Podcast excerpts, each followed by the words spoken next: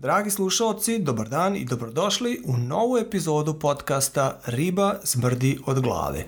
U ovoj epizodi ćemo pričati o pet najvažnijih tačaka, ja bi čak rekao najimpresivnijih tačaka, koje nas kao kompaniju čine posebnim u zemlji, u regiji, a najverovatnije i u čitavom svetu.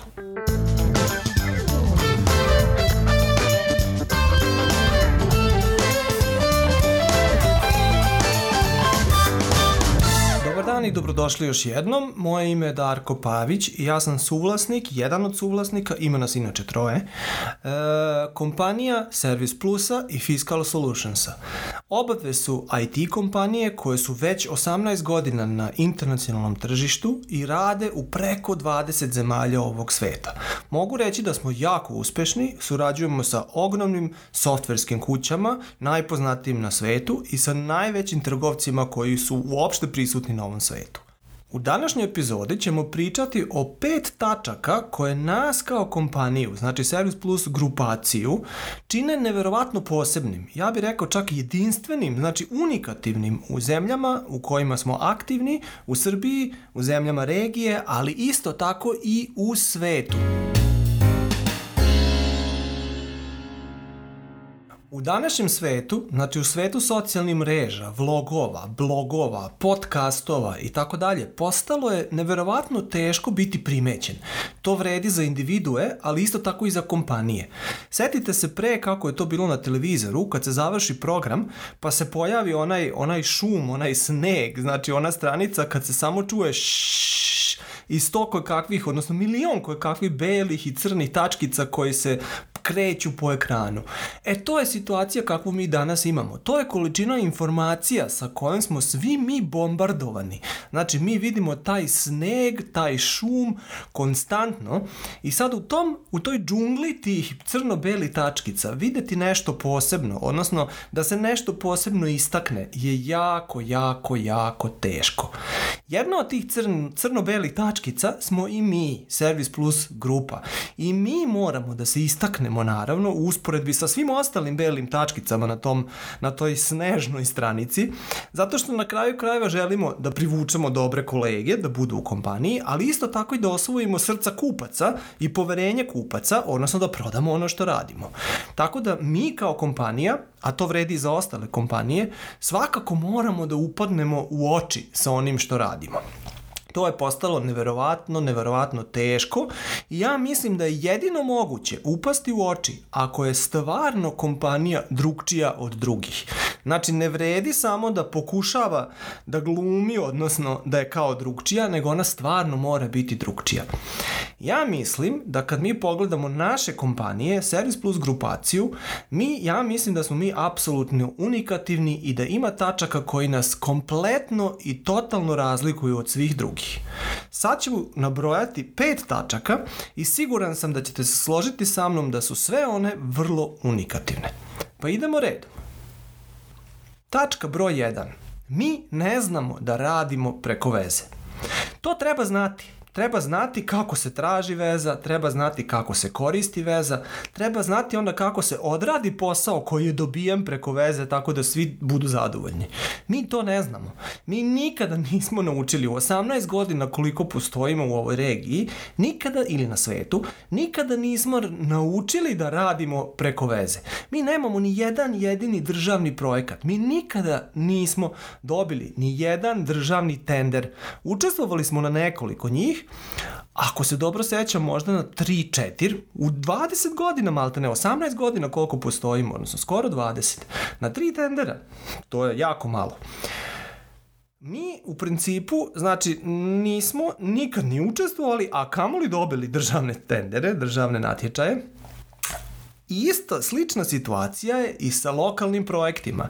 Skoro svi naši projekti su internacionalni projekti sa internacionalnim kompanijama koji su aktivni na internacionalnim tržištima. Na lokalnom nivou, sa lokalnim kompanijama, mi da gotovo i nemamo poslovni kontakt. Imamo ga samo sa onim kompanijama koje cene znanje i koje su dostigle određeni nivo zrelosti, znači koje su prave kompanije, koje cene znanje, stručnost i tako dalje i kod kojih isto tako taj način rada preko veze ne funkcioniše. E s tim lokalnim kompanijama surađujemo i to već dugi niz godina vrlo, vrlo uspešno. Tačka broj 2.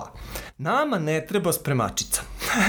Znam da ovo zvuči interesantno, Imamo mi spremačicu, naravno, i ona ima zadatke koje radi, ali u principu nam ne treba. Šta se krije iz ovoga? Iz ovog se krije jako puno mentalnih pogleda na svet i život, odnosno sakriva se kultura kompanije. Naime, kod nas je tako da svako od nas treba, može i mora čak da počisti sam iza sebe nema mirne razliku između muških i ženskih poslova. Na primjer, ono u smislu da čišćenje nečega to je isključivo ženski posao. Ili vođenje kompanije, menadžment to je isključivo muški posao. To nema kod nas. Znači, ne razlikujemo u smislu posla da li je spol ovaj ili onaj. To nas ne interesuje ne postoje kolege, stručnjaci i tako dalje e, koji su dosegli određeni nivo u smislu znanja, poziva i tako dalje, koji ih onda sprečava da rade nešto. Znači, bez obzira da li si inženjer, doktor nauka ili tako dalje, nijedna vrsta posla nije ispod tvog nivoa, pa tako ni čišćenje. U kompaniji rade kod nas samo kolege i stručnjaci, a ne njihove mame koje možda kod kuće čiste za njima. Znači, to možemo odmah zaboraviti.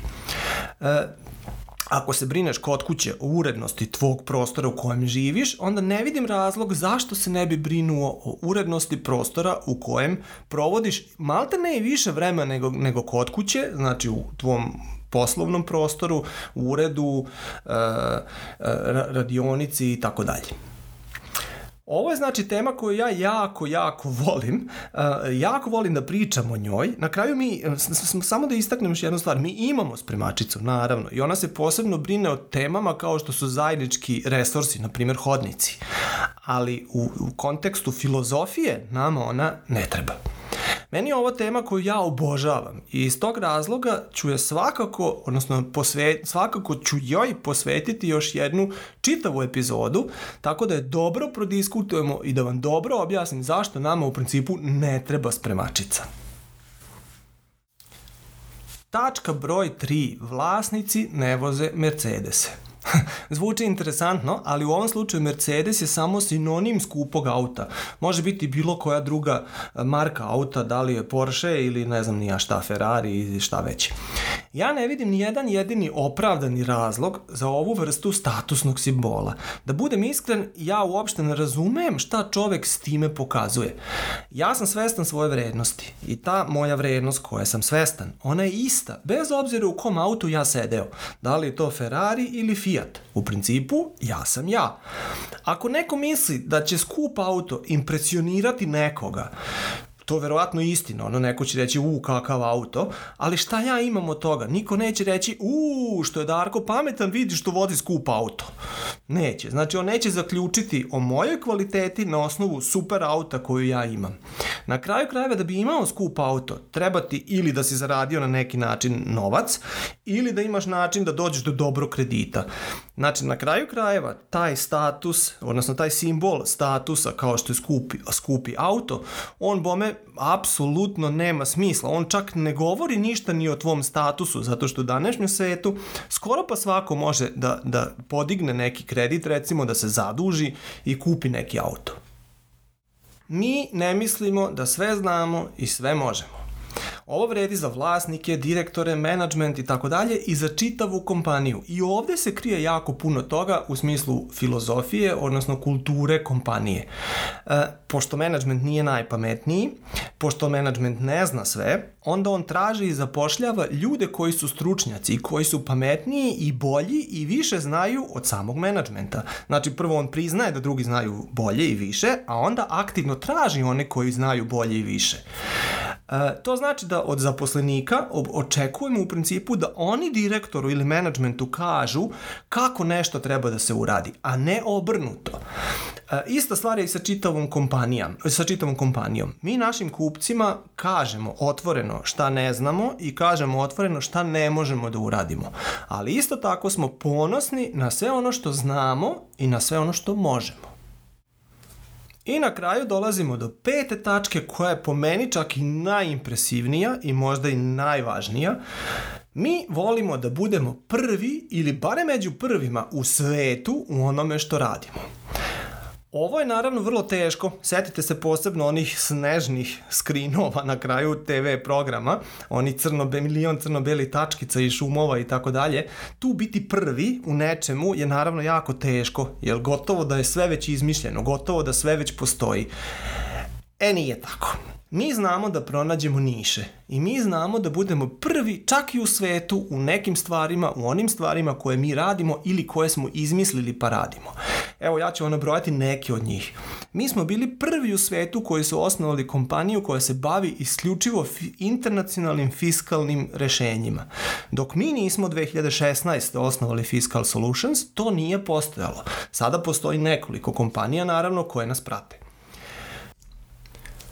Drugo, mi smo prvi u svetu napravili online biblioteku sa tehničkom, zakonskom, procesnom i poslovnom dokumentacijom o zemljama i pravilima funkcionisanja IT sistema u, sistema u zemljama ovoga sveta.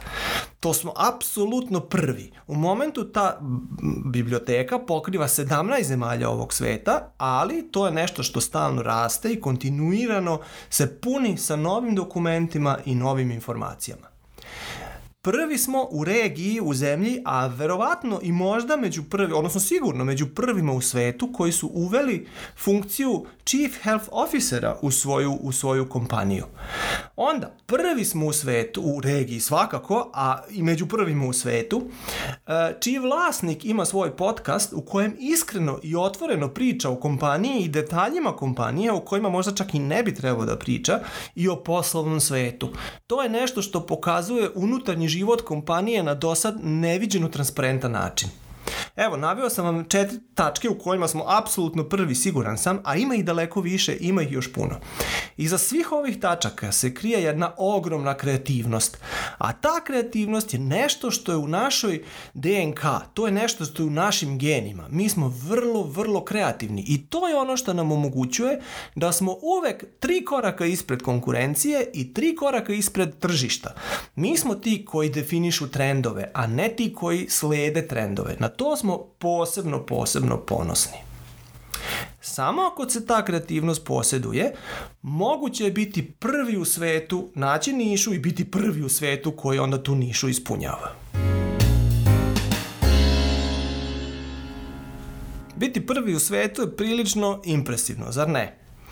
Bilo mi je jako drago da pričamo o ovih pet neverovatno interesantnih i impresivnih tačaka koje nas razlikuju, apsolutno razlikuju od svih ostalih. Nadam se da ćemo se družiti uskoro i u sledećoj epizodi podcasta, to bi mi bilo jako drago i šaljem vam lepe pozdrave iz Nemačke, iz Hamburga. Pozdrav!